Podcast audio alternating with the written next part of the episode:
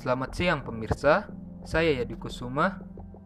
Berita kali ini datang dari Kabupaten Bandung. Air yang tak kunjung surut, warga mulai mengeluh berbagai penyakit. Hujan yang terus-menerus turun di wilayah Kabupaten Bandung dalam beberapa hari ini membuat di beberapa titik wilayah Kabupaten Bandung mengalami peningkatan debit air khususnya di wilayah Sapan dan Dayakolot, yang diakibatkan oleh meluapnya air sungai Citarum yang mengakibatkan banjir pada hari Sabtu tanggal 15 bulan 4 2020. Berdasarkan keterangan resmi yang diperoleh dari BMKG Kota Bandung, kondisi sungai Citarum dan wilayah Sapan berada pada level awas.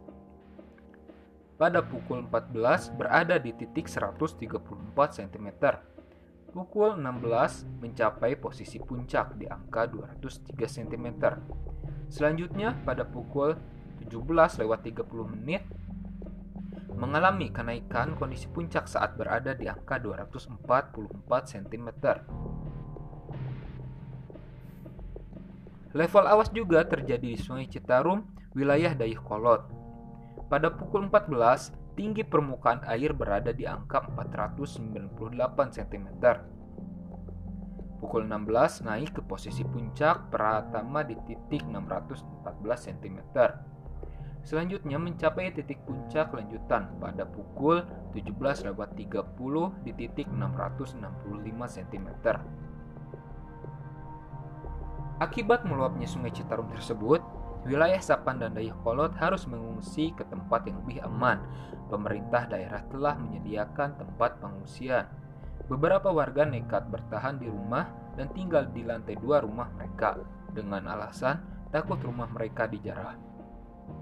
Warga yang terdampak banjir mulai mengeluhkan berbagai penyakit akibat kurangnya kebersihan di tempat pengungsian dan kurangnya obat-obatan yang tersedia di pengungsian pemerintah daerah setempat mulai berkoordinasi dengan Dinas Kesehatan Kabupaten Bandung terkait permasalahan tersebut.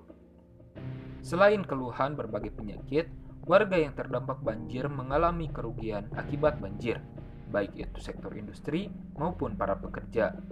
Karena melumpuhnya akses jalan menuju tempat kerja, otomatis warga korban banjir kehilangan pendapatannya Hingga saat ini, para korban banjir terus berharap kepada bantuan pemerintah dan bantuan relawan.